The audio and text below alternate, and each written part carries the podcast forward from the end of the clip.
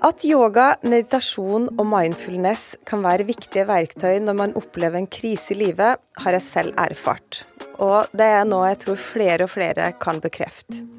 Noen jeg har snakka med, har til og med sagt at det har vært helt avgjørende for å komme seg gjennom prosessen og krisen de har stått i. Og det føler jeg sier så utrolig mye. I dag skal du få møte Silje Løkeng. I 2019 fikk hun sjokkbeskjeden om at hun hadde fått påvist brystkreft og forstadiet til livmorhalskreft. Det sendte hun ut av balanse, både fysisk og mentalt. Jeg kjenner ikke Silje personlig, men for et par år siden dukka hun opp i feeden min på Instagram, og jeg har fulgt henne med stor beundring siden. Det er noe med den der åpenheten, ærligheten, ydmykheten, klokskapen og motet hos henne som har gjort til at alt hun deler, treffer meg rett i hjertet. Når hun snakker om å finne ro i skogen, ta et skritt om gangen, tid på matta og det å finne lykke i de små øyeblikkene, ja, da forsto jeg at hun måtte inviteres til namaste. Jeg heter Vibeke Klemetsen. Jeg håper du vil like episoden. God lytt.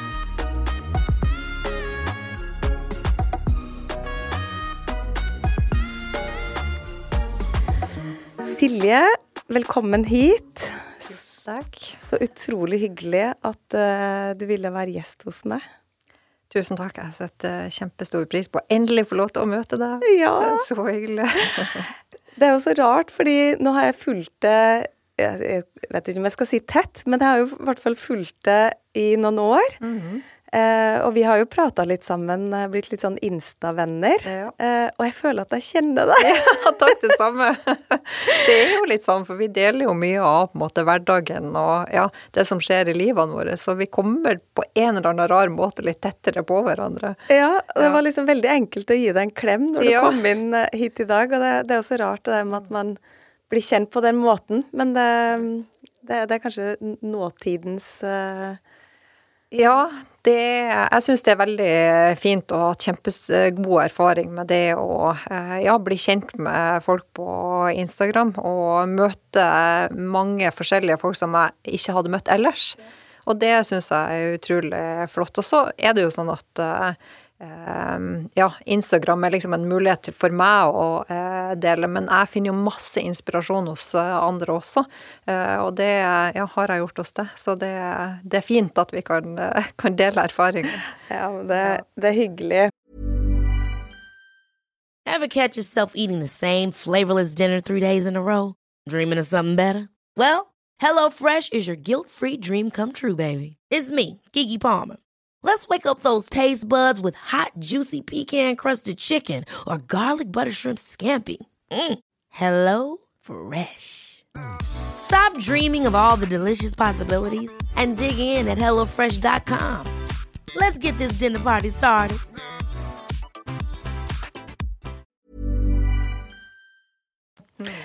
Du, um, jeg har lyst til å starte med og spør deg hvem var Silje for fem år siden? Ja, det er et veldig godt uh, spørsmål. Det nesten så jeg ikke husker hvem jeg var. Det er så mye som har skjedd siden. Men jeg har nok alltid vært en veldig dedikert mamma. Så liksom, det er det første liksom, ordet som kommer inn i hodet mitt. Jeg var mamma til mine to, to flotte barn. Eh, og så jobba jeg jo i et eh, ganske stort eh, selskap, og fikk en jobb da for fem år siden som head of well-being, og så jobber jeg i HR med arbeidshelse. Og det var en ganske stor oppgave og et stort karrieresteg, sånn at jeg gikk veldig inn i den rollen på norgesnivå. Uh, og eh, ja, var, hadde liksom jobb og uh, barn som fokus. Hadde nok et ganske høyt stressnivå. og var ikke spesielt flink til å ta vare på meg sjøl. Det kan jeg si. Men hva likte du å gjøre sånn ellers? Nei, eh, som jeg sier at eh, tida gikk egentlig til eh, Jeg har en mann som jobba veldig, veldig mye og var mye borte, som, så tida mi gikk egentlig til barn, logistikk og jobb, og egentlig ikke til så veldig mye annet. Mm. Og når du ser tilbake på det, hva ja. Nei, det er god læring å se tilbake og tenke at uh, ja, her burde jeg tenkt og gjort det annerledes. Uh, og ta vare på meg sjøl og sette tid til meg sjøl. Men det er nok ofte sånn for veldig mange kvinner at man blir fanga i hamsterhjulet, rett og slett. Og så er det liksom alle andre sine behov som blir dekka, og så glemmer man seg sjøl oppi det hele. Og det, det er helt vanlig, men, men, jeg tror at vi trenger hjelp fra hverandre til å minne hverandre på at uh, vi har godt av å sette av tid til oss sjøl også. Uh, vår egen fysiske og mentale helse, og at det er ikke noe negativt å gjøre det. Heller det motsatte. Mm. Men i 2019 ja. så endra alt seg, mm. fordi du fikk eh, påvist kreft. Ja. Uh, ja, det var en veldig uh, spesiell opplevelse. For jeg hadde egentlig akkurat feira 40-årsdagen min og uh, hadde hatt en heidundrende cowboyfest, egentlig. I ordets rette forstand, eller? Ja, det var skikkelig. Det var høy overalt, og det var bar, og det var Ja. Det eneste vi mangla, var egentlig hest. I hagen. Så det var skikkelig gøy. Og så hadde vi vært på sommerferie og hatt det kjempefint. Jeg kjente på kroppen min at det var et eller annet som ikke var riktig. Så jeg husker jeg sa til mannen min at uh, jeg føler meg liksom ikke restituert etter den sommeren der. Og så hadde jo jeg funnet en eh, kule i brystet fordi at jeg sjekka meg sjøl regelmessig. Jeg hadde et søskenbarn som fikk brystkreft noen år før meg, og hun sa liksom det her at det er viktig å sjekke seg sjøl, så det hadde jeg gjort. Og hadde to ganger før funnet kul som hadde vært sjekka ut, og det hadde bare vært syste. Sånn at jeg, eh, når jeg fant denne kulen igjen, så var jeg egentlig ikke veldig bekymra. Jeg tenkte liksom at det her er bare en syste. Og så skjer det samtidig, eh, omtrent som jeg fikk eller finner denne kuren, så blir det oppdaga forstadiet til livmorhalskreft. Eh, sånn at mitt fokus var på en måte på denne operasjonen, for jeg visste at jeg måtte fjerne livmor og livmorhals eh, til høsten. Eh, så fokuset mitt var egentlig der, sånn at den kuren i brystet, det var sånn, ja, jeg tenkte ikke veldig mye på det. Ennå jeg så liksom egentlig alle symptomene på brystkreft, så var det sånn, nei, men det er sikkert bare en syste. Så da jeg kom på sykehuset i juli, altså slutten av juli, så var det Dro jeg helt alene. Som sagt, ikke noe redd. Jeg dro inn på sykehuset og gjør en mammografi, sånn som eh, eh, skjer når man eh, oppdager en kul. Og så ble jeg sendt inn på ultralyd etterpå. Og det hadde også skjedd med meg før, at jeg ble sendt direkte inn på ultralyd. Så igjen, jeg var ikke bekymra.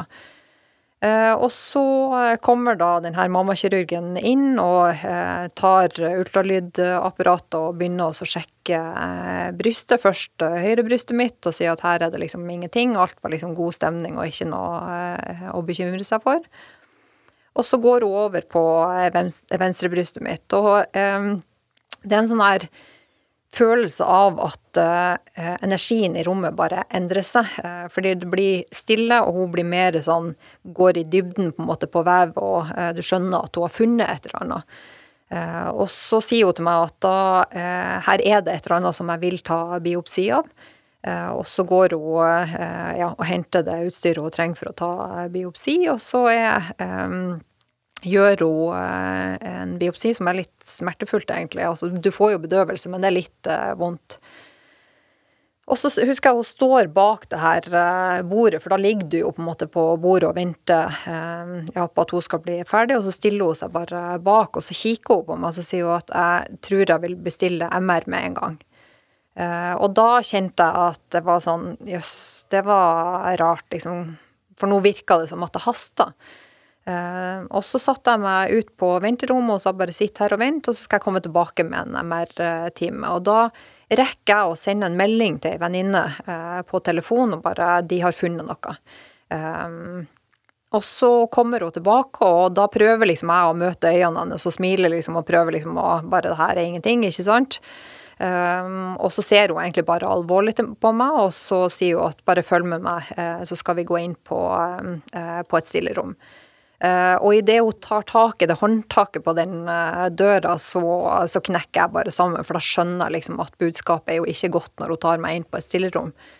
Uh, sånn at jeg går inn der, og så husker jeg så innmari godt at jeg tenkte liksom For med en gang du liksom tenker på kreft, så tenker man ofte på døden. Eh, for mange overlever jo, men, men, men i hodet mitt så er det sånn kreft er lik død. Eh, så da går jeg inn liksom i det rommet, og så tenker jeg bare shit, skal jeg bare bli 40 år? Og så prøver jeg liksom å tenke tilbake på, på livet mitt og hva jeg liksom har gjort. Har jeg gjort det jeg skulle gjøre? Har jeg gjort, liksom opplevd det jeg ville oppleve? Kommer ungene til å huske meg liksom og ungene mine var så store at det var liksom det første jeg liksom tenkte at ok, men de er, så, de er, så, gamle at de kommer til å huske meg, det er greit. Eh, og så eh, har vi en samtale på det rommet, der hun på en måte sier at bare slapp av, det her kommer til å gå fint, eh, vi skal gjøre alt vi kan, og nå må vi bare gjøre de her undersøkelsene først, men ikke tenk på at du skal dø. Eh, og det er lett å ja. si. Men, eh, men samtidig så, så, ga hun meg på en måte det motet til å bare eh, komme meg liksom ut av det rommet, sette meg i bilen og bare få, eh, få liksom summa meg. Og da i den bilen så Jeg prøvde å ringe mannen min først, og han lå og sov, så han svarte ikke. Og så har jeg nok på et eller annet tidspunkt snakka med søstera mi, men den samtalen husker jeg overhodet ikke. Eh, og så måtte jeg jo komme meg til, eh, tilbake til hytta, for de var på hytta, og hente de eh, og få de hjem. Da. Sånn at den fasen der var bare sånn Ja, jeg husker nesten ingenting av det. Det er bare et sammensurium av følelser og eh, Ja. Men så, men så finner jeg på en måte en sånn der Ok, men nå må, du bare, må du bare lukke ut alt annet, og så må du bare fokus på det du, eh, du skal gjøre. Gjør det legene sier, gjør liksom det du får eh, beskjed om.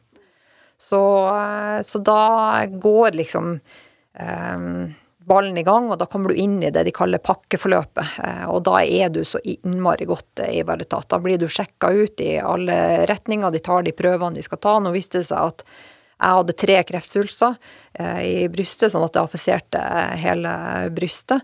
Eh, så det ble tidlig på en måte beslutta at jeg skulle ta bort på en måte innholdet i mitt eh, bryst, og egentlig da få en primær rekonstruksjon som jeg vet ikke om du husker For noen år siden så var det en kampsak blant kvinner i Norge å få primær rekonstruksjon når at de fikk brystkreft, for før så fjerna de bare alt. Da tok de bort eh, brystet, og så hadde man ikke rekonstruksjon på mange år. Så man eh, hadde jo mange kvinner da som gikk eh, rundt og ble unødvendig på en måte ja, skada, egentlig, på grunn av at man hadde en sånn ja, intensjonen var god, de ville jo fjerne kreften, men, men det var egentlig helt unødvendig å gjøre det. Så man kunne på en måte ta bort kreftsvulsten, og allikevel så kunne kvinner få lov til å bevare brystet sitt eller legge inn et implantat. Mm. Så det gjør man i all hovedsak nå. Så og det gjøres i samme operasjon, eller? Samme operasjon, ja. ikke sant. Og det er veldig fint, fordi at uh, en av de uh, tingene man har jo sett, er jo at når man mister brystet, så skjer det noe mentalt. Mm. Ikke til alle, men til veldig mange så skjer det noe mentalt.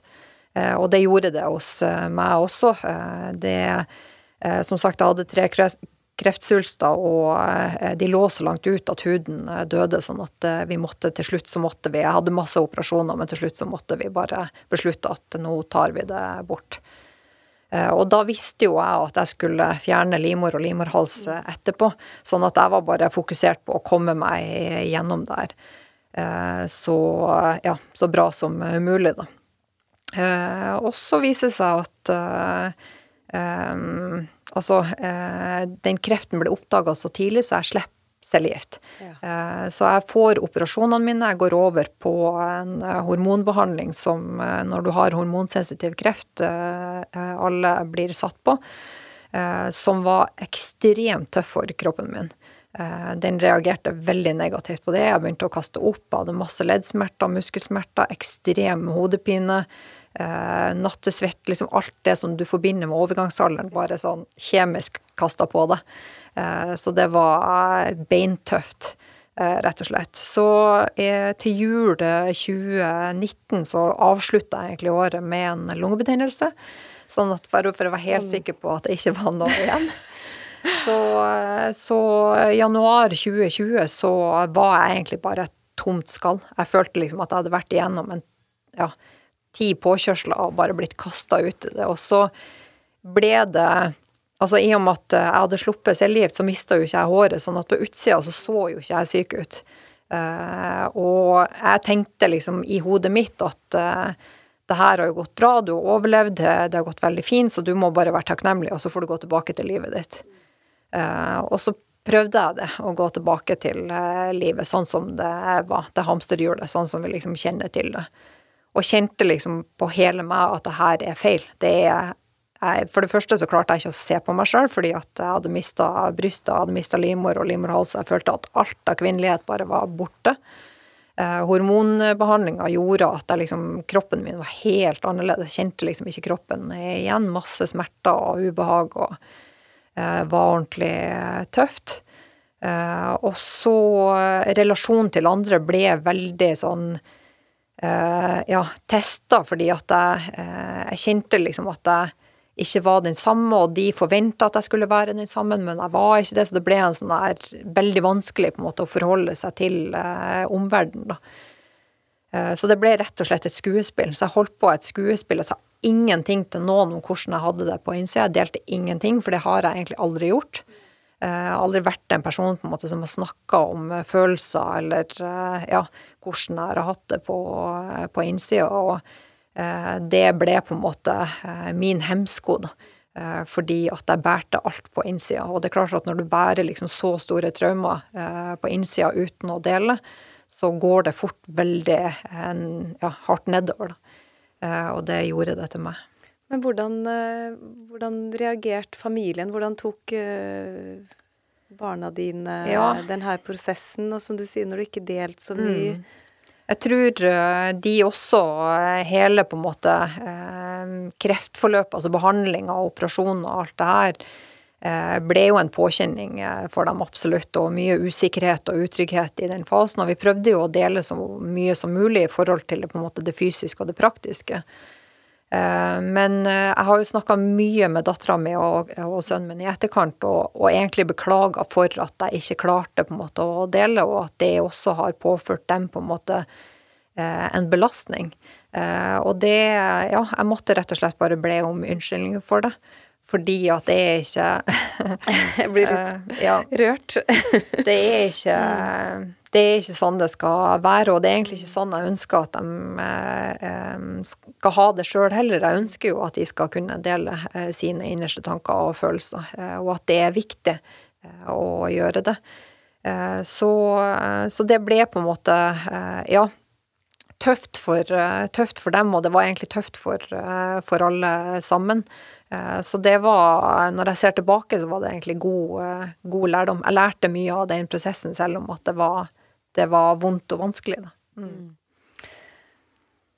Men ja, for, for, hvordan var da hverdagen? Du, du beskriver jo den her hormonbehandlinga. Mm. Gikk du tilbake i jobb? Ja, jeg gikk ganske fort tilbake i jobb. Det er som å si at jeg ble liksom catcha i det her hamsterhjulet. Sånn at eh, jeg la liksom alt av følelser og tanker til side, og så bare, bare, kjørte jeg på. Og tenkte at det her Jeg hadde egentlig Det her med fake it till you make it gikk i hodet mitt på repeat. At bare, hvis du later som det her går bra, så kommer det til å gå bra. Bare kjør på.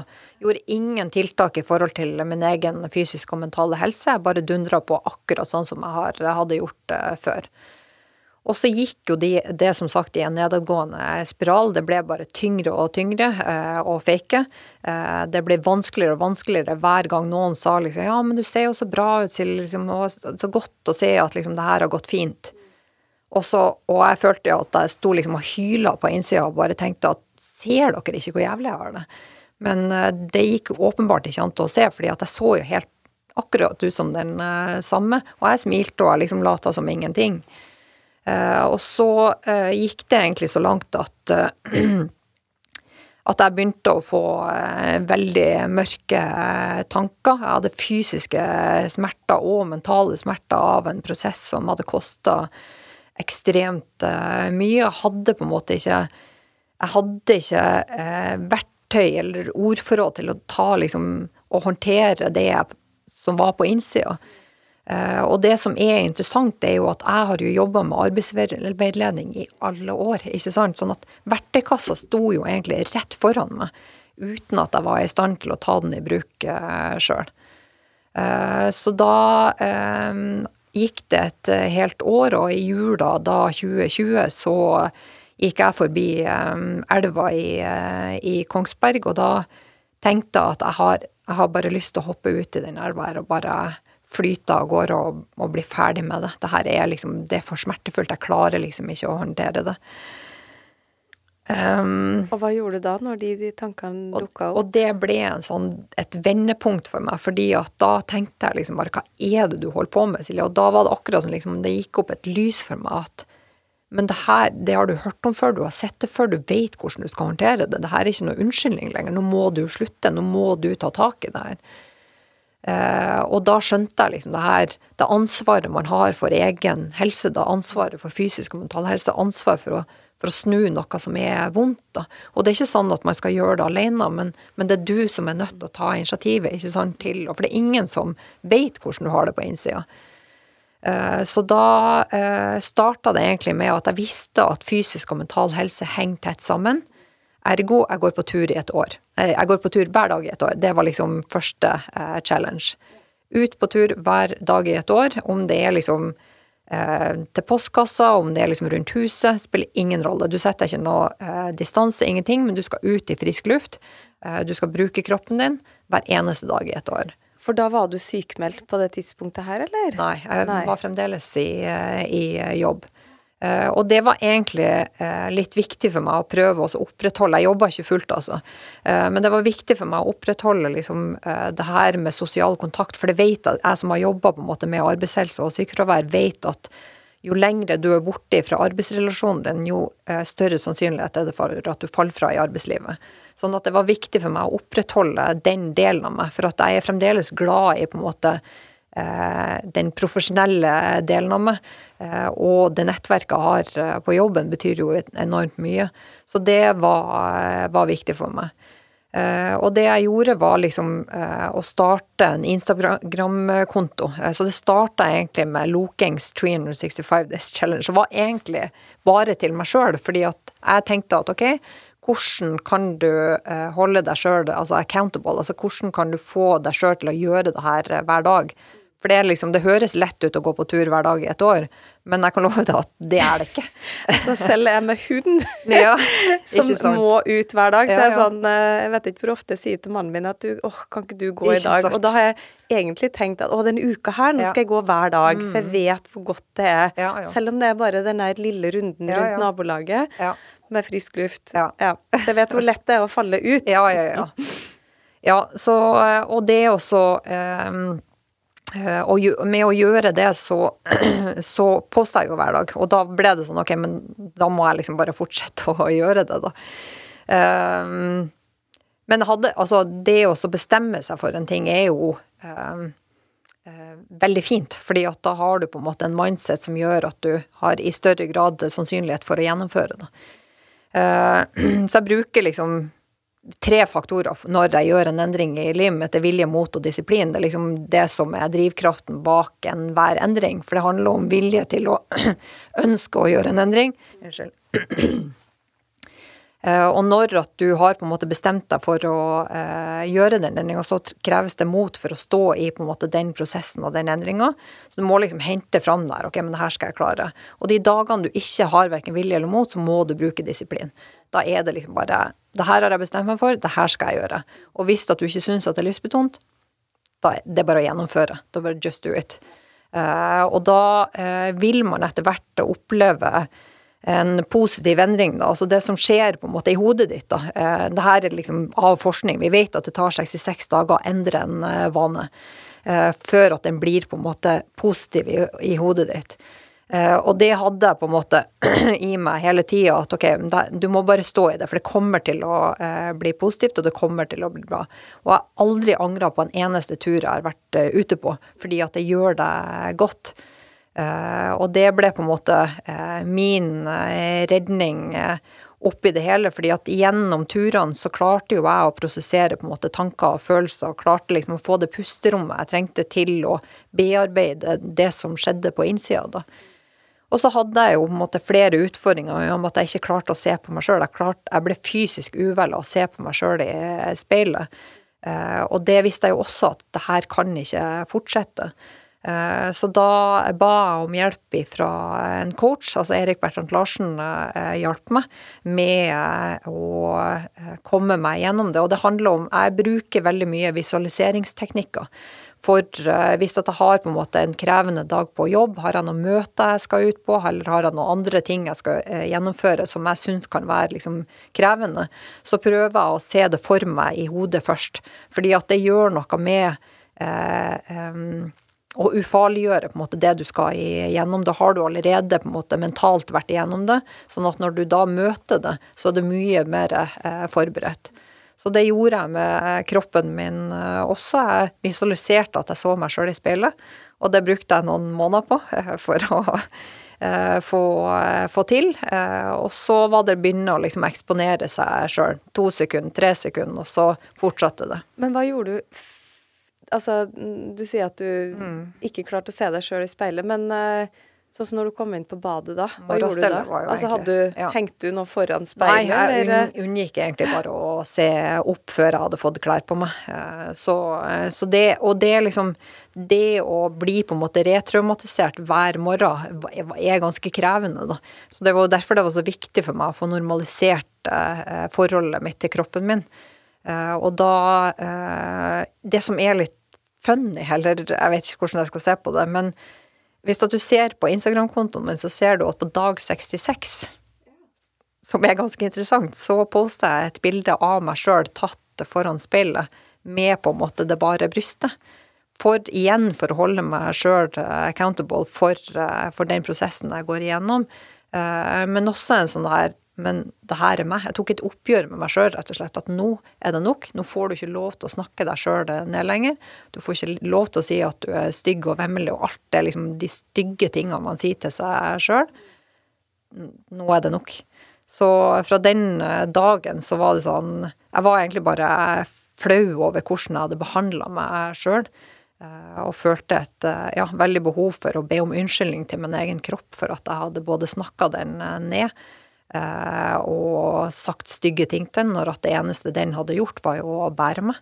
Den hadde jo gjort alt for at jeg skulle overleve, og det at jeg mista brystet, var jo bare et offer i forhold til kreften. Altså, det er jo Ja. Så Den hadde jo kriga for det? Ja, absolutt. Så det er jo derfor det står 'Warrior' på underarmen. Ja, se her. Åh, det må vi eh, ta et bilde av etterpå. Eh, fordi at jeg måtte liksom bare finne tilbake til krigeren i meg.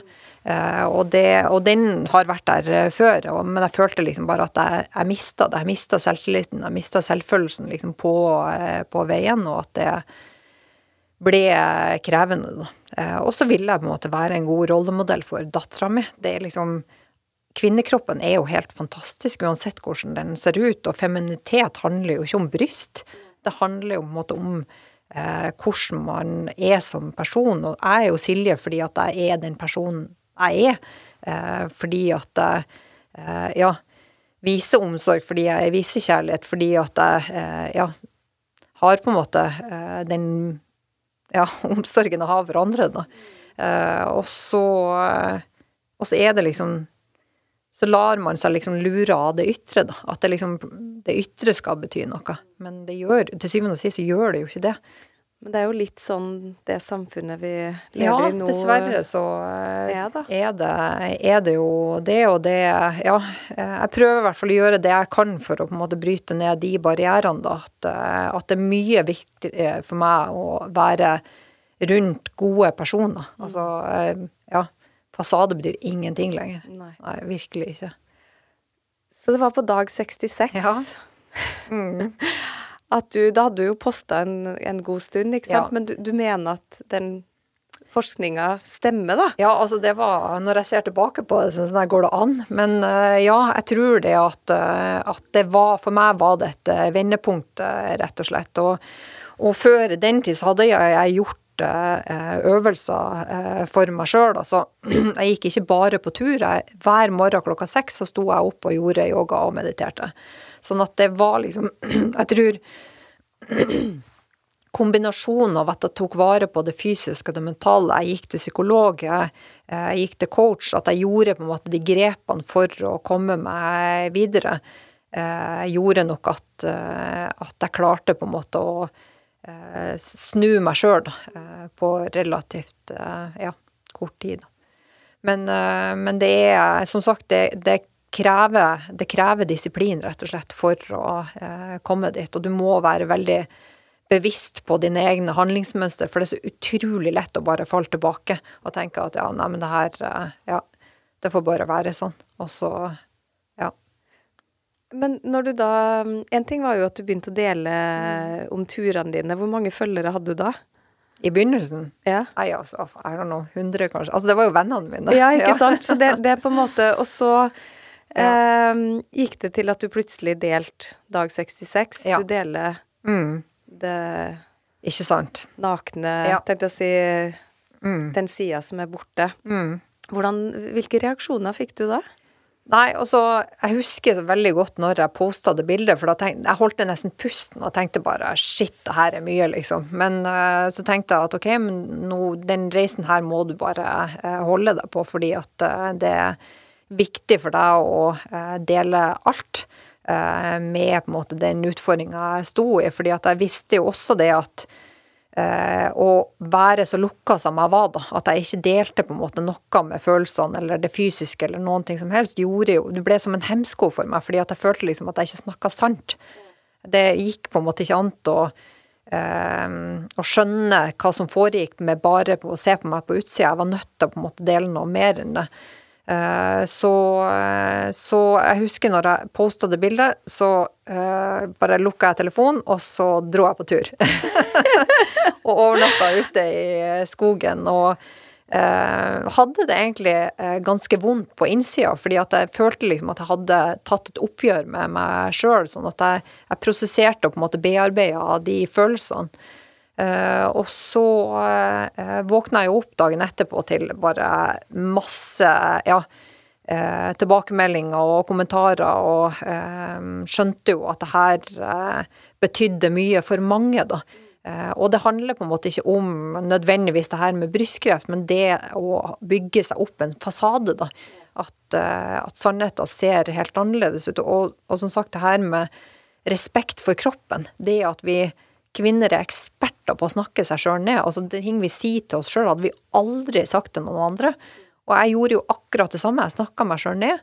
Og så eh, det å på en måte sette ord på det og be om unnskyldning for at jeg hadde gjort det til min egen kropp, og så sier det jo til min egen kropp at unnskyld for at jeg har vært så slem, når det eneste du har gjort, er å bære meg. Eh, så tror jeg nok jeg traff en nerve i, eh, hos veldig mange, da. Eh, og at det var en sånn påminnelse om at det eneste jeg skal gjøre på morgenen hver morgen, er å takke kroppen min.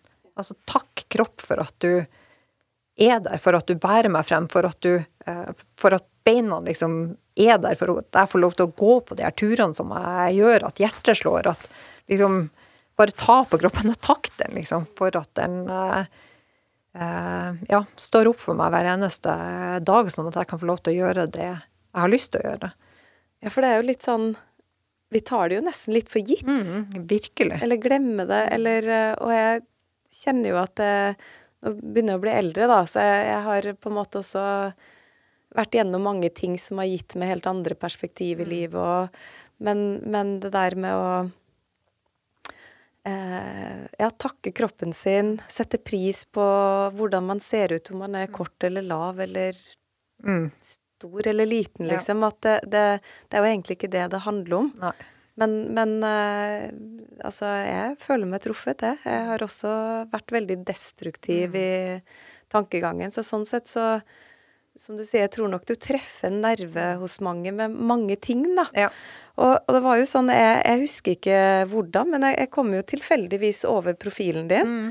Um, og du gjorde så inntrykk på meg på, på, på så mange måter. Og det, og det, var jo noe med den der ærligheten. Mm. Den der råskapen i det du turte å dele, da. Um, fordi det, det, var akkurat som du slapp oss følgerne sånn ordentlig inn. Mm. På innsida.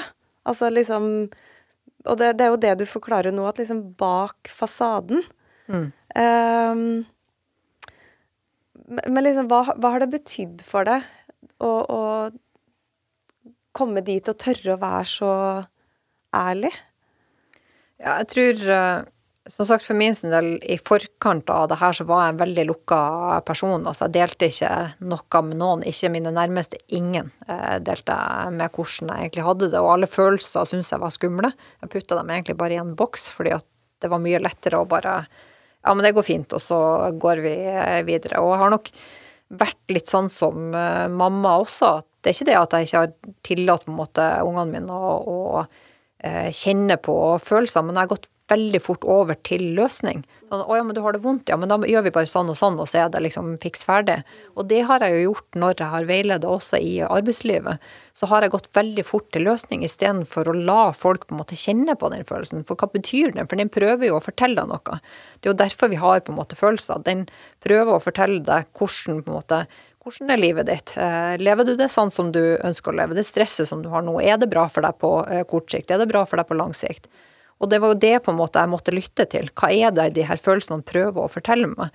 Og det betydde jo at jeg måtte virkelig gå inn i meg sjøl eh, og bryte det ned, rett og slett, eh, og finne ut hva eh, hvordan er det jeg ønsker å leve livet mitt. Og, og, en av de på en måte viktige tingene jeg lærte, da, er jo det her med å ikke være redd for å dele på en måte følelsene dine. Ikke være redd for å dele på en måte de de gode stundene, men også de dårlige stundene. Fordi at alle har det jo sånn. Eh, og jo mer fasade vi putter ut, jo vanskeligere gjør vi det for omverdenen. Eh, fordi at da tror folk at, og da tror de unge at å ja, men det, alt, alle har liksom picture perfect. Alle drar på ferie hit og dit og kjører ski og uh, ja, ser bra ut og Men sånn er det jo ikke. Alle har på en måte gode dager og dårlige dager. og Eh, noen har skikkelig dårlige dager, og det skal man på en måte omfavne, det også. Og eh, ta vare på de rundt seg og eh, faktisk se det. Og det gjorde jo at måte, når jeg ble connecta med mine følelser, gjorde jo at jeg også blir connecta med de rundt meg. Sånn at da, da åpner jeg på en måte meg opp for en helt annen verden, der jeg både kan på en måte hjelpe meg sjøl, men også hjelpe andre. Og det er jo derfor jeg har på en måte valgt å dele, for jeg tror jo det eh, sier det liksom at det å vise sårbarhet er en superpower. At eh, virkelig, for du bygger så mye relasjon og tillit til andre mennesker med å vise sårbarhet, eh, som gjør at eh, ja, verden blir eh, litt bedre, da. Vil du si at det har vært litt sånn terapi for det? Absolutt. Det, det, skjønte jeg jo ganske tidlig, at det her er bearbeidelse for meg også i form av de traumene jeg har vært igjennom. Eh, og at eh, det eh, er på en måte godt for meg også å bare bryte ned den her fasaden og slutte liksom å late som at jeg har det bra. Jeg gikk et helt år og lata som jeg hadde det bra og hadde det helt forferdelig. Og at det jeg kjenner at det er godt at det liksom slutt på. Og så kan man jo si at man trenger jo ikke å dele det liksom for hele omverdenen, men nå har jeg jo begitt meg ut på en reise som eh, som er på en måte meningsfylt eh, for meg, og så får man jo velge om man vil følge det eller eh, ikke. Og så tenker jeg at eh, det er noen budskap der som er på en måte universelle, uavhengig om du har gått igjennom kreft eller hvilke utfordringer du har eh, møtt på. Så, så, er det gjenkjennbart. Og alle kommer i løpet av livet og møter på veggen. Det er bare dessverre sånn eh, det er. Og da er det godt å ha på en måte folk rundt som man kan la seg på en måte inspirere og motivere. Altså, på lik linje med at jeg bruker på en måte andre Instagram-kontoer til å inspirere og motivere meg, så eh, velger jeg å, å, dele den reisen jeg har begitt meg ut på. Da. Har du fått noen negative tilbakemeldinger? Nei, overhodet ikke. Og det er sånn eh, og om det hadde kommet, så har jeg håndtert det også. For det som jeg sier, at eh, man, man må ikke følge Man må ikke liksom synes at alt er greit. Men Eh, men jeg velger å være, eh, ja Jeg føler noen ganger brutalt eh, ærlig, men jeg føler også at det er viktig, for at jeg kjenner liksom at jeg kan ikke late som at min verden består liksom av ja, trening og gode øyeblikk, for den gjør virkelig ikke det. Det er liksom opp og ned, og det er dager som er fryktelig vonde, og dager som er kjempebra. Og det, det tror jeg de fleste vil kjenne seg igjen i. Mm. Ever catch yourself eating the same flavorless dinner three days in a row? Dreaming of something better? Well, HelloFresh is your guilt-free dream come true, baby. It's me, Kiki Palmer. Let's wake up those taste buds with hot, juicy pecan-crusted chicken or garlic butter shrimp scampi. Mm. Hello Fresh. Stop dreaming of all the delicious possibilities and dig in at HelloFresh.com. Let's get this dinner party started. Life is full of what ifs. Some awesome, like what if AI could fold your laundry? And some, well, less awesome, like what if you have unexpected medical costs? United Healthcare can help get you covered with Health Protector Guard fixed indemnity insurance plans. They supplement your primary plan to help you manage out of pocket costs. No deductibles, no enrollment periods, and especially no more what ifs. Visit uh1.com to find the Health Protector Guard plan for you. Ja, ja jeg, jeg, tror jo det er noe av det eh, Derfor du treffer så mange, fordi det, det er så gjenkjennbart. Mm. Eh, selv om ikke alle har kommet dit at de tør å innrømme det, sånn som du har gjort. Men jeg, jeg tror det at man kan kjenne seg igjen i det og få liksom inspirasjon, er jo, er jo det vi Og det er litt sånn Jeg personlig liker jo mye heller å følge ærlige personer. Altså de som er ekte og som tør å på en måte For det, det, er jo av og til når jeg får opp dine poster, så er jeg sånn I dag har jeg en skikkelig jævlig dag. Så tenker jeg å gud, skriv henne det, legg henne ut det, liksom. Så tenker jeg sånn ja, i går hadde jeg en skikkelig jævlig dag, men da la jeg kanskje ut et bilde hvor jeg står i en eller annen yogaposisjon og bare Så tenker jeg Og det er jo inspirasjon for meg, mm. for da tenker jeg For det treffer meg, og jeg liker det. Jeg mm. blir inspirert av det. Så tenker jeg det er en liten reminder, da. Men, men det å være så åpen og ærlig altså, i sosiale medier, da. Mm. Eh, hvordan har barna dine håndtert det? Hva syns de om det? Ja, vi har hatt uh, mye samtaler før jeg på en måte uh, begynte å dele sånn som jeg har gjort. da. Så har jeg alltid Jeg sjekker alltid ut med dem om at det er greit. Og jeg stopper når som helst hvis de syns at det ikke er greit. Mm. Sånn at eh, det har vært en dialog som vi har hatt eh, kontinuerlig, egentlig, som vi ennå har. Eh, der jeg sjekker ut om at spesielt Ida Nå er sønnen min i Japan og lærer seg japansk. ok, så kult. ja, det er gøy.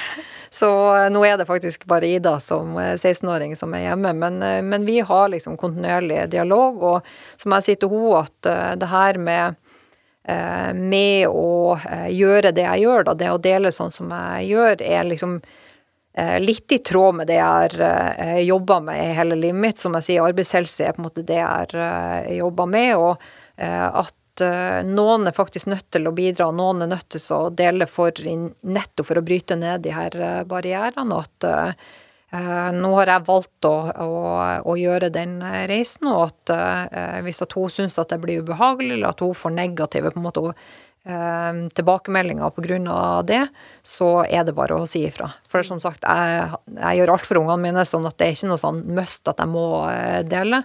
Men jeg tror også det er et kjempeviktig budskap for den yngre generasjonen at eh, at man trenger ikke ha Instagram-konto som bare viser den, den fine sida, eh, og bare det positive. Det går an å dele på en måte de, de vanskelige tingene òg, at det kanskje er bedre for oss, da. Mm. Ja, og jeg, jeg, kjenner meg jo veldig godt igjen, og jeg vet jo at du er en av de som har fulgt uh, min, for jeg setter jo så utrolig stor pris på alle de fine tilbakemeldingene jeg har fått av det, blant annet, mm. uh, på det jeg har delt. Og det uh, Jeg spør jo fordi at jeg får det spørsmålet så ofte sjøl. At litt sånn Ja, har du tenkt på hvordan barna dine vil reagere på det her, og er de informert, og du vet sånn mm. Um, og det er det jo selvfølgelig. Uh, og jeg opplever jo egentlig bare at de fleste omfavner det. Uh, skolen til barna mine får jo med seg det her. De, de, tar en prat med barna. Det er liksom Og jeg tenker også at budskapet vi prøver å komme med, er så viktig, da. At uh, Og så lenge man har den dialogen med barna, som du sier, at de syns det er greit, og at de også får lov til å uttrykke sine følelser rundt det, Eh, at det er mm. Da er det på en måte greit, da. Men jeg har jo vært redd for de reaksjonene på mm. å være så åpen og ærlig. Absolutt. Det, og det tenker jeg er sunt at man gjør. eh, gjør den vurderinga. Og så tenker jeg at, eh, at det er også viktig at man er gode rollemodeller for barna sine. For hvis man later som at livet er greit hele tida, så er det på en måte det de trenes opp til. At ja, men jeg har det vondt på innsida, men mamma og pappa har aldri hatt det vondt på innsida. Så hvorfor skal jeg liksom At de bare sveiper over følelsene sine. Mm. Og det skal de ikke gjøre. Det er lov til å kjenne etter, og det er lov til å ha det vondt og vanskelig. Mm. Og uh, vi har sånn uh, uttrykk hjemme hos oss at uh, jeg og Ida er sånn OK, hun kommer hjem, og så ser jeg på, og så sier jeg å, nå ser det ut som du er på gråten-sliten. Bare ja, det er og da er det Disney Therapy. Da ser vi på en eller annen Disney-film, og så får vi liksom bare spise litt eh, ja, god mat og kose oss og få litt uh, terapi fra Disney World. Så, så jeg tror liksom det, det har bare gitt oss en kjempeverdi å ha liksom de her, den, ja, den åpenheten, rett og slett. At ja, noen dager er skikkelig tøffe, og at uh, det føles godt å kunne dele dem, da. Mm. Og støtte hverandre oppi, oppi det hele. Ja. Men mye av det som har truffet meg, da, Silje, eh, og som har gjort meg så fascinert, og du vet, som kanskje er litt av grunnen til at jeg tenkte at du, du må komme hit til Namaste, er jo fordi at du evner å formidle så mye Altså mindfulness, hvis vi skal kalle det det, da. Mm. Altså livsfilosofi. Mm. Eh, tilstedeværelse i mange av de her eh, postene dine eh, Forklar. Ja. Hvorfor? Nei, altså jeg eh, prøver liksom etter beste evne å leve på en måte her og nå. Det eneste vi har er på en måte øyeblikket. Eh, hva som skjedde før og hva som skjer i fremtida, det vet vi egentlig ingenting om. Sånn at tilstedeværelse er på en måte eh, det jeg prøver på en måte å leve etter, som, som er ganske krevende faktisk å eh, få til. Å bare være til stede her og nå, fordi at man har liksom 10 000 ting som foregår på en gang. Eh, men for meg så har det liksom vært viktig å være takknemlig for det jeg har, da. Eh, og de her små øyeblikkene. Altså før jeg fikk eh, kreft, så tenkte jeg liksom aldri over det. Bare de her samtalene rundt middagsbordet, det å høre på ungene krangle, det å få være til stede på konfirmasjon til ungene mine, det å få være liksom, til stede første skoledag når de begynner på videregående, alle de her små detaljene at ja, det er bare så utrolig fint å få oppleve på en helt ny måte. Sammen når jeg er ute i naturen, så det er akkurat som jeg ser naturen på en helt annen måte. Før så kunne jeg liksom bare gå på tur for å gå på tur. Nå er jeg der for å, for å puste, for å ta inn naturen, for å liksom bare være. Uh, og det har liksom kommet gjennom på en måte yogaen. Og jeg gikk jo et kurs hos uh, Kjersti Buås på, på, stressmestring som ganske tidlig på en måte i denne prosessen. Og lærte meg på en måte det her med mindfulness og pusteteknikker og eh, lære meg å eh, Som jeg sier, at jeg finner veldig ro når jeg er ute på tur og ute i skogen, men, men jeg kan ikke være i skogen hele tida. Altså, den roen kan jeg liksom ikke Men det å klare å ta den med seg da, eh, til de her eh, dagligdagse tingene, når jeg er på kontoret, når jeg kjenner at nå kommer på en måte angsten, nå er det liksom, nå begynner det å gjøre vondt, da er det å sette seg ned og også puste. Ja. Eh, og virkelig liksom huske på eh, hva som er viktig. Eh, og, og, være på en måte til stede i seg sjøl eh, og for, eh, for, andre.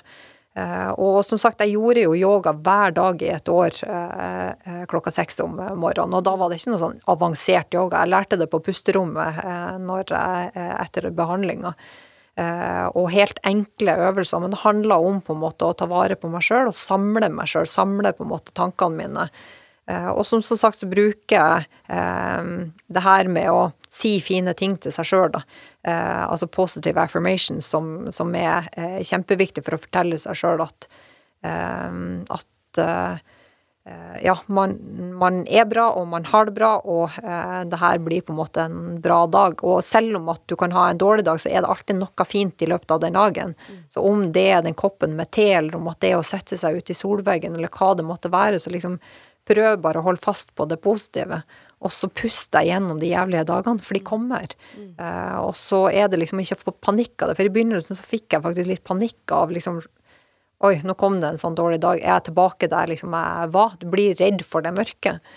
Uh, men nå er det mer sånn at ok, nå er det en vond dag, og den velger jeg å puste meg gjennom og fokusere på det som er positivt, og det er jeg faktisk klarer. Så, så det det å bruke det som verktøy da, eh, til å eh, hente seg sjøl eh, inn, er, har for meg vært veldig berikende. Um, og gjør nok Selvfølgelig så gjør yoga noe med fysikken, fordi at de medisinene jeg gjør på, gjør jo at leddene mine er stive og støle og vonde. Og det å gjøre yoga løsner egentlig bare opp i alt. Og som sagt, keep it simple. Altså, du må begynne en plass. Eh, og hvis at du blir hekta, så er det helt superbra. For det er kanskje Sånn, sånn hekta som jeg, mener det? Ja. sånn eh, som går over til helt nerd? Ja. Jo, og det er jo det er kjempefint, fordi at det, en, det, gir på en måte deg en eh, berikelse. Og, og det, det tenker jeg liksom Uansett hva man velger å gjøre, så, eh, så, gjør det fordi at du har lyst til å gjøre det. Ikke fordi at noen andre sier at det her er bra, eller det her liksom, Finn ut hva som er din eh, nisje. Finn ut hva det er du trives med. Mm. Jeg elsker å gå på tur. Ergo så går jeg på tur eh, stort sett hver dag. Nå har jeg gått over til å begynne å trene litt mer, sånn at nå Det er faktisk litt sånn kjærlighetssorg at jeg ikke kan være ute på de lange turene, derfor jeg må faktisk trene. Så, ja. Men hadde du noe erfaring med yoga fra før? Nei. Ikke? Det, I det hele tatt, liksom? Nei. Altså, jeg jobba jo eh, I min ungdom så jobba jeg som spinninginstruktør for eh, SATS. Eh, og treningsveileder. Sånn at jeg har liksom alltid trent, men yoga har jeg egentlig ikke eh, Nei, jeg, jeg, tror nok at, at stressnivået, altså det tempoet jeg hadde, eh, har liksom gjort at det har vært sånn der nei men det får jeg ikke til det å sette meg ned liksom og, og, sitte i ro i en time, eller jeg sitter jo ikke i ro, altså jeg gjør jo øvelser, men bare den her å lande, den Jeg, jeg likte tempo. Det er spinning og liksom alt det her var liksom greia mi. Eh, og det å lære seg å faktisk eh, roe ned, da, og kjenne liksom etter, og det var en ny verden for meg, som jeg har utforska. Og det, så, og det, er så, mange ting jeg får lyst til å si, mm. men det er jo sånn Det, det er noe av det jeg har møtt mest, akkurat det du sier. Mm. At det er sånn nei, nei, nei, yoga er ikke for meg, for jeg liker å løpe. Jeg må, jeg må gjøre høy intensitet trening. Mm. Jeg må på en måte Altså nei, det blir altfor rolig, det er kjedelig, mm. det er liksom Og så tenker jeg, spesielt når det er folk jeg kjenner, at jeg bare Men jeg vet ja. at du trenger det her! Kan du være så snill? Men så har jeg jo Jeg er jo ikke en sånn uh, misjonær. Jeg Nei. tenker mer at jeg skal være en inspiratør. Og det er du absolutt. Det, tusen takk, det håper jeg. Men, men, at jeg ikke skal liksom presse Nei. disse verktøyene på folk, men heller på en måte prøve å vise eller inspirere, da. Mm. Folk må jo skjønne det sjøl, og folk ja. må på en måte finne det. Men det som overrasker meg, tenkte jeg eller skulle ønske ikke var tilfellet, er jo at man havner på en måte der du gjør noe mm.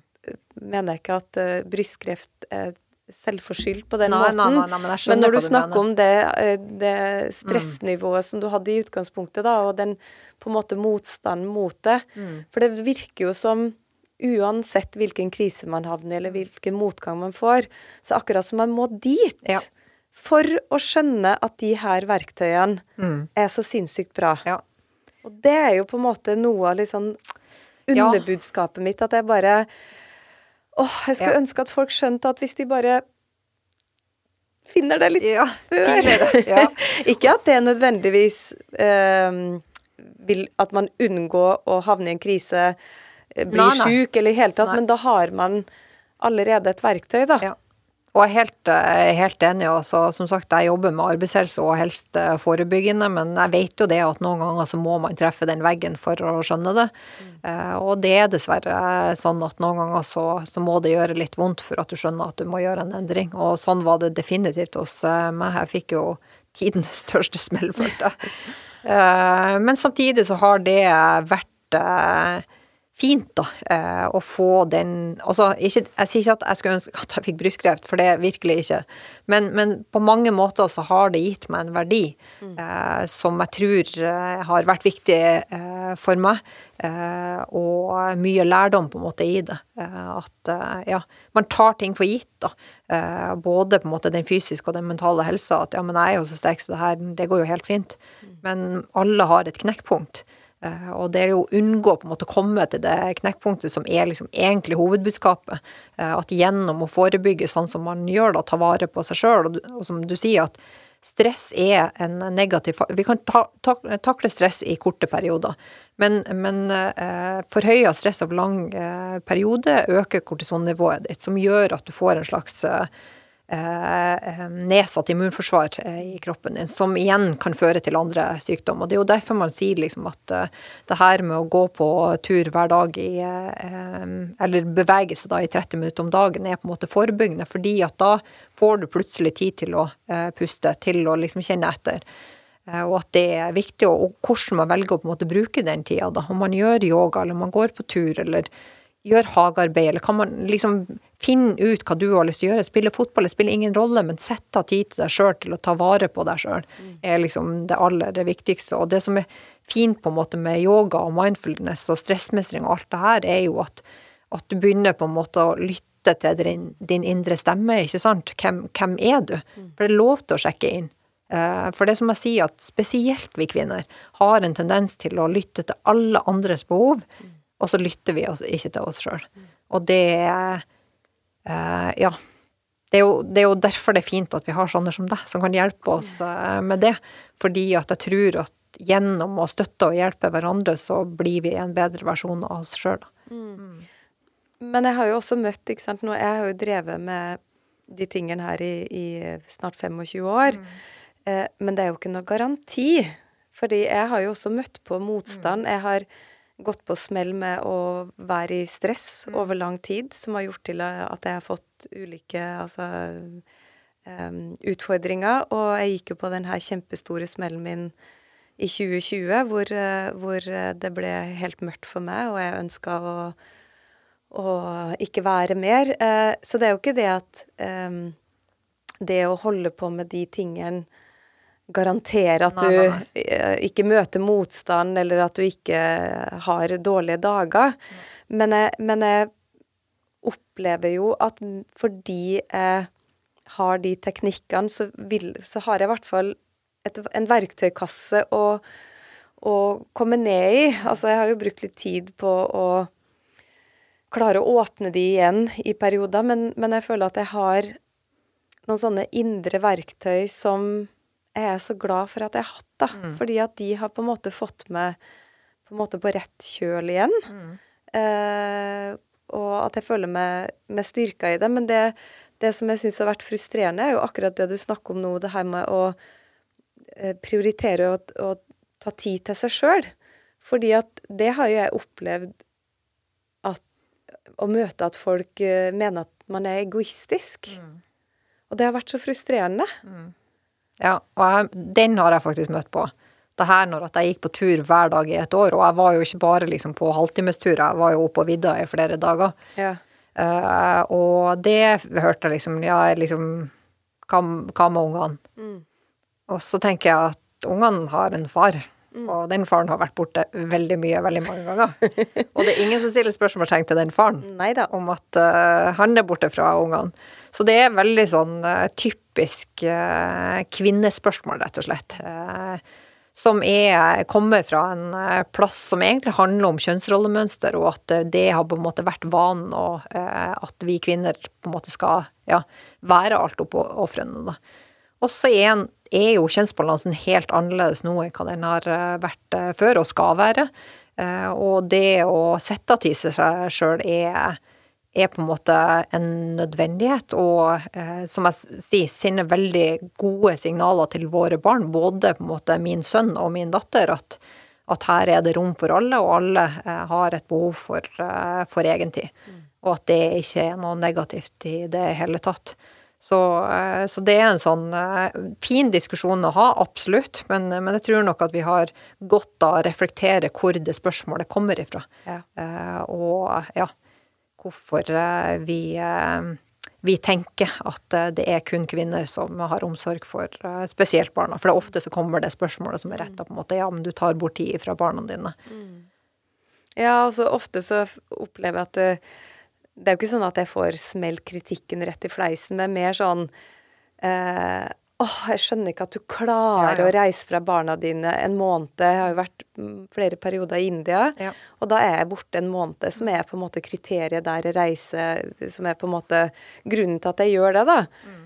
Um, men så blir det stille på en måte som er sånn åh, men hvordan klarer du det? Åh, jeg har ikke vært borte fra barna mine en helg engang. Så tenker jeg sånn Så synd for deg. Mm. Så utrolig dumt at du ikke prioriterer Mm. å ta deg tid til deg sjøl, Ja. eller med mannen din eller venninnene dine, eller som gjør, som gjør at du booster deg sjøl, da. Ja, ja. Og så skal jeg jo ikke si at man trenger å være- være borte en måned for å komme hjem som en bedre person, men jeg vet jo Jeg fikk jo barn så tidlig i livet òg.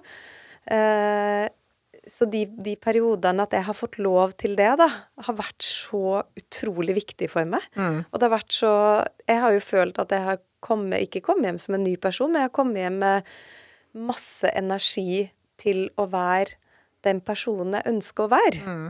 Eh, mot barna mine og omgivelsene mine, og at man har mer å gi, da. ja. Men eh, Jeg er helt, jeg er helt enig. Og, og som, altså, hver får avgjøre eh, hva de ønsker sjøl, men jeg tror i hvert fall at man ikke skal ha noe frykt for det. å Og ta tid borte fra barna sine og ta vare på seg sjøl, for de klarer seg veldig, veldig fint. Eh, Og som sagt, jeg tror det sender eh, noen gode signaler til dem også, at det her er på en måte det er sånn det skal være. Det skal være balanse i forhold til, eh, til eh, begge kjønn, da. Eh, At eh, ja.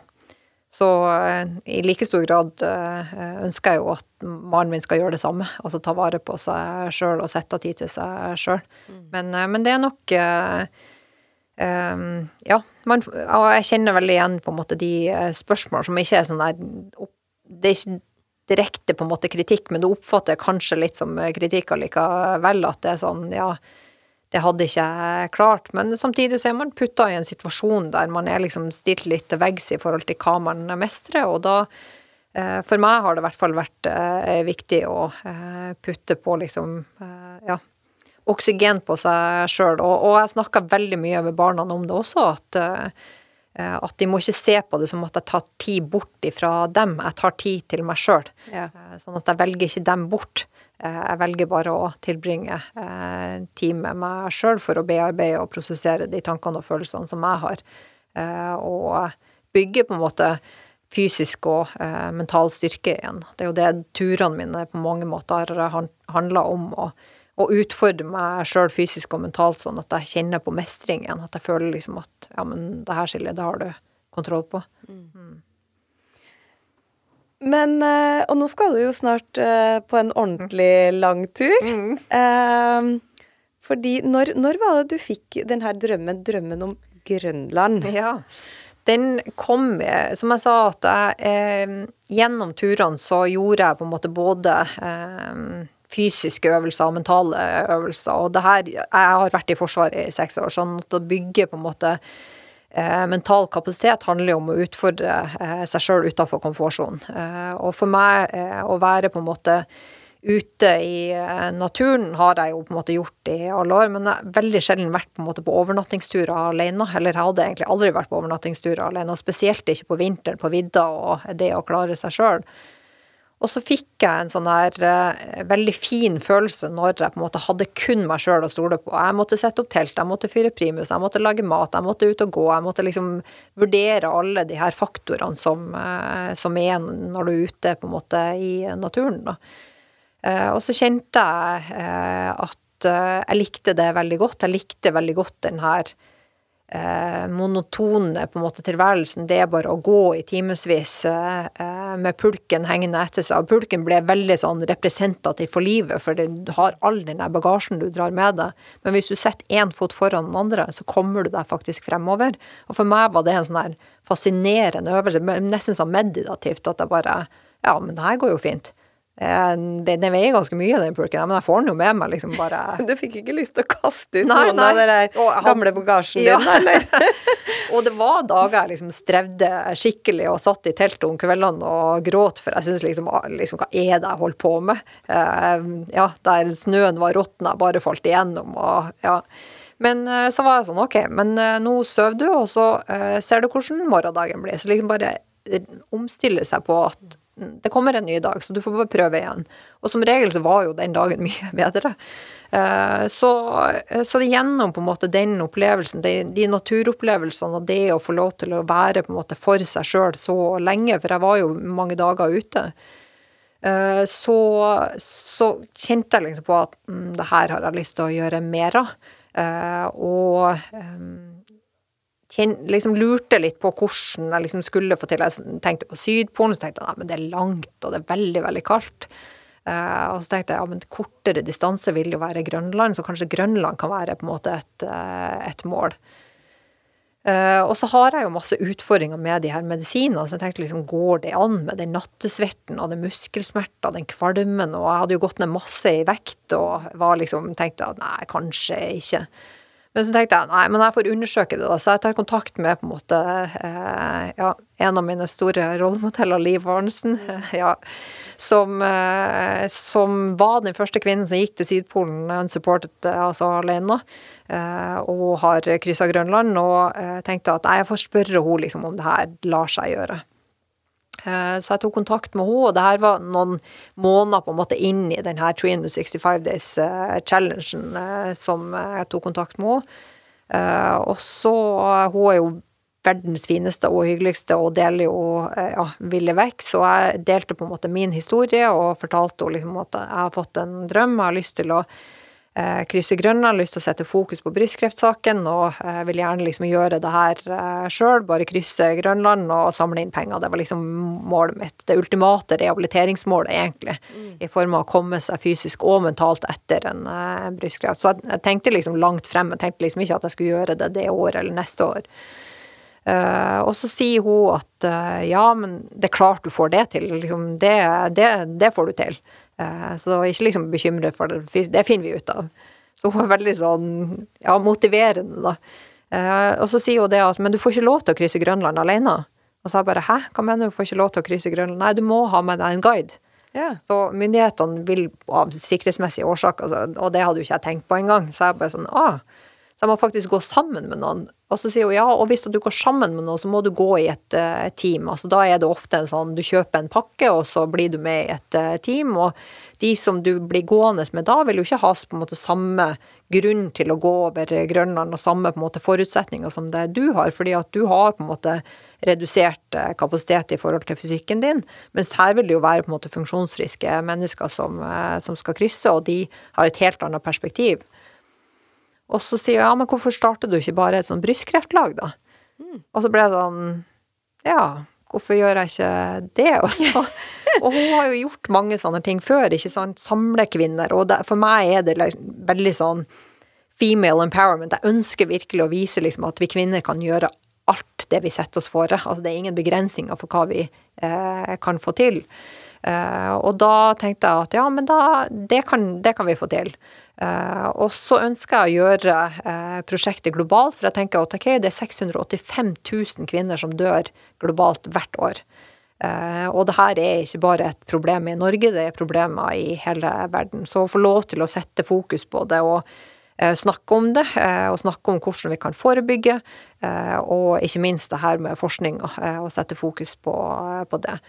Så da begynte jeg liksom å jobbe med eh, det prosjektet, og begynte liksom å søke på internett. Hvilke, ja, hvem er det liksom som har hatt brystkreft rundt, eh, rundt, omkring? Og så eh, gjennom Kjersti Buå så fikk jeg tak i ei dame i, eh, i eh, Danmark som som jeg sendte ei, ei, eh, melding til og lurte liksom på For hun var den første jeg kontakta, og så sender jeg liksom melding og så sier jeg hei, jeg har fått navnet ditt fra Kjersti Buås, jeg lurer på om du kunne være interessert i å krysse eh, Grønland som Og det her eh, er altså eh, Andrea Rudolf, som, eh, som er ganske kjent i, i, Danmark. Det visste ikke jeg da. Og er veldig god venninne av deg. Ja, jeg vet det. God venninne av, av deg.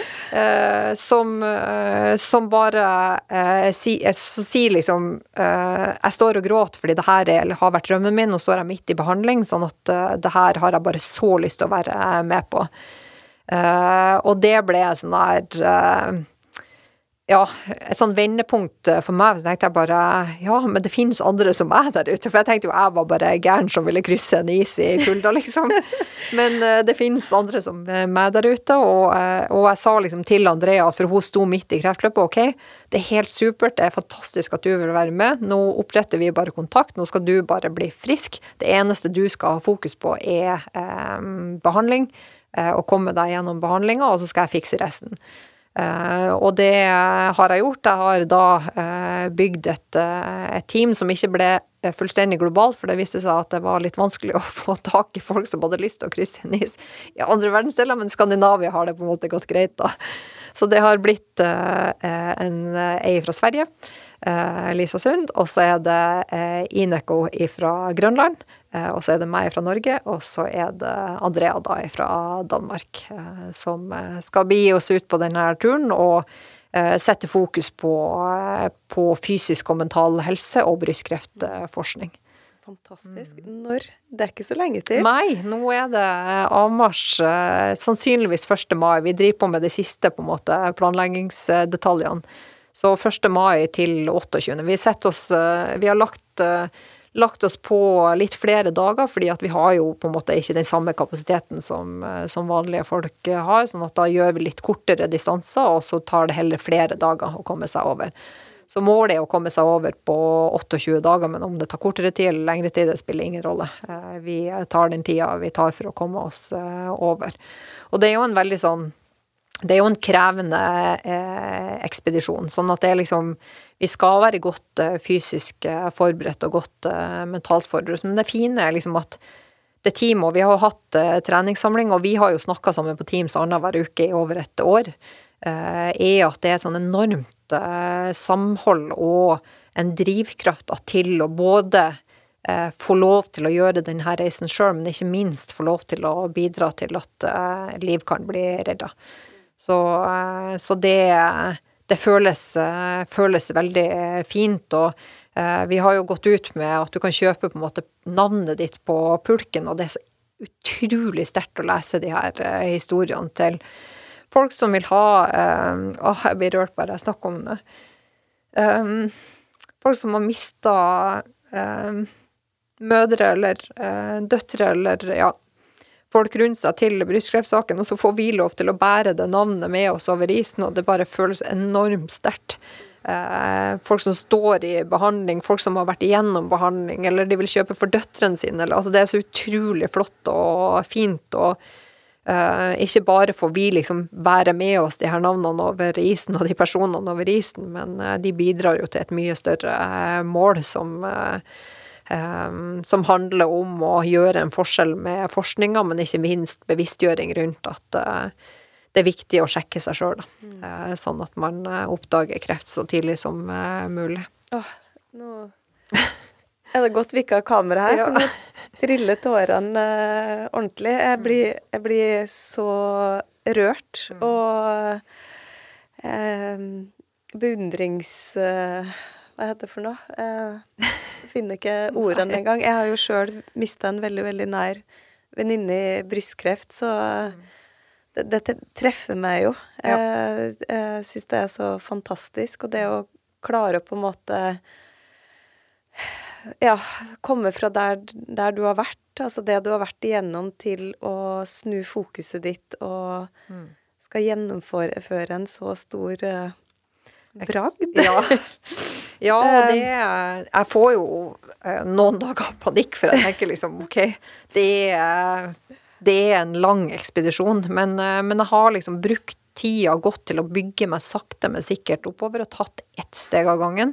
Og tenkt hele tida at eh, det har på en måte vært målet, og at jeg må lytte til kroppen min og kjenne etter liksom hvordan hvordan skal jeg på best mulig måte komme meg i posisjon til å klare å gjennomføre. Og Um, og det har tatt tid uh, å komme dit, men, uh, men, jeg kjenner liksom nå at uh, den fysiske formen begynner å komme ganske bra. Jeg tror ikke dekk i godt over et år allerede, som er liksom en av forutsetningene for å klare å dra den her pulken på 70 kg.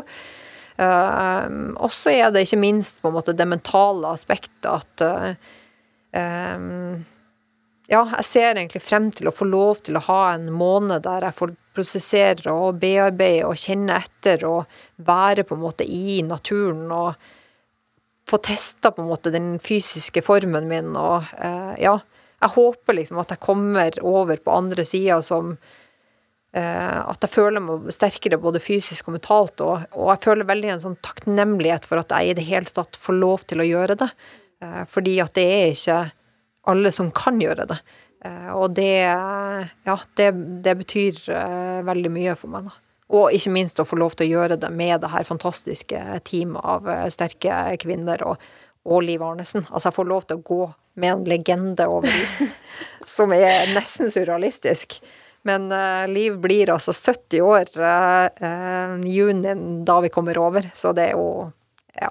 Det viser bare at det, det er ingen begrensninger i hva vi kan klare. Alder eller ja, fysiske utfordringer eller hva det måtte være. Så jeg sier ikke at alle skal krysse isen, men uansett hvilket mål du setter, så bare tenk at det, det klarer du. Og klarer du ikke akkurat det, så sett et annet mål, da. Men det er viktig liksom å ha, ja, ha noe for seg sjøl, da. Eh, og eh, ja, ta vare på seg sjøl, da. Og samtidig så er jo vi veldig heldige at vi får, får lov til å bidra til fellesskapet. Da. Mm. Og det her, kan, det her, for å si sånn, det her skal jeg følge med på. Ja. hvor, hvor, er det man kan følge reisa deres? Ja, vi har, altså Jeg har en Instagram-konto som heter Expedition eh, Pink Ribbon, og så har vi en hjemmeside som heter expeditionpinkribbon.no. Eh, og reisen blir delt eh, både på Instagram og på hjemmesida. Og reisen til blir delt på Instagram. Det er jo der jeg på en måte deler alle detaljer på en måte rundt eh, prosjektet, hvilke utfordringer vi står i. Nå er det masse eh, praktiske ting som skal på plass. Sponsorer skal på plass, investorer skal på plass. altså Det er så mange eh, detaljer som, som ligger til grunn for å klare å gjennomføre et så stort prosjekt. Men det er jo det som er liksom en del av reisen for min sin del. Så er jo det på en måte Som jeg sier, at jeg hvis at man skal skape endring i verden, så må noen legge ned en innsats. Sånn er det bare. Eh, og for meg så har det føltes naturlig hele tida at jeg skulle gi tilbake, fordi at grunnen til at jeg har det så bra som jeg har det i dag, er jo fordi at det er kvinner før meg som har gått foran og fighta for bedre forskning, bedre eh, medisiner, bedre eh, behandling. Eh, denne krefttypen min er liksom eh, forska ned på detalj, sånn at de vet akkurat hvordan den reagerer. Ergo så har jeg fått en medisin som kan hindre at jeg får tilbakefall. Altså Før meg så har det gått en bråte med kvinner som har bana vei.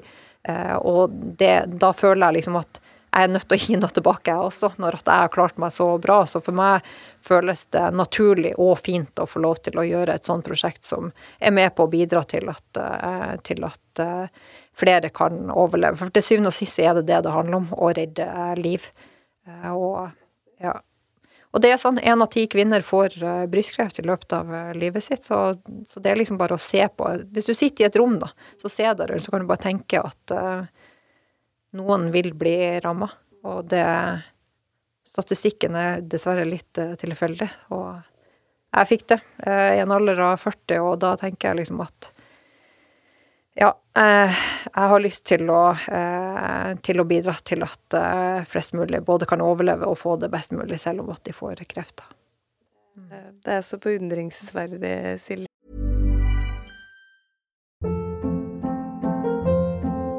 Hold up. What was that? Boring. No flavor. That was as bad as those leftovers you ate all week. Kiki Palmer here, and it's time to say hello to something fresh and guilt-free. Hello Fresh. Jazz up dinner with pecan-crusted chicken or garlic butter shrimp scampi. Now that's music to my mouth. Hello Fresh. Let's get this dinner party started. Discover all the delicious possibilities at hellofresh.com.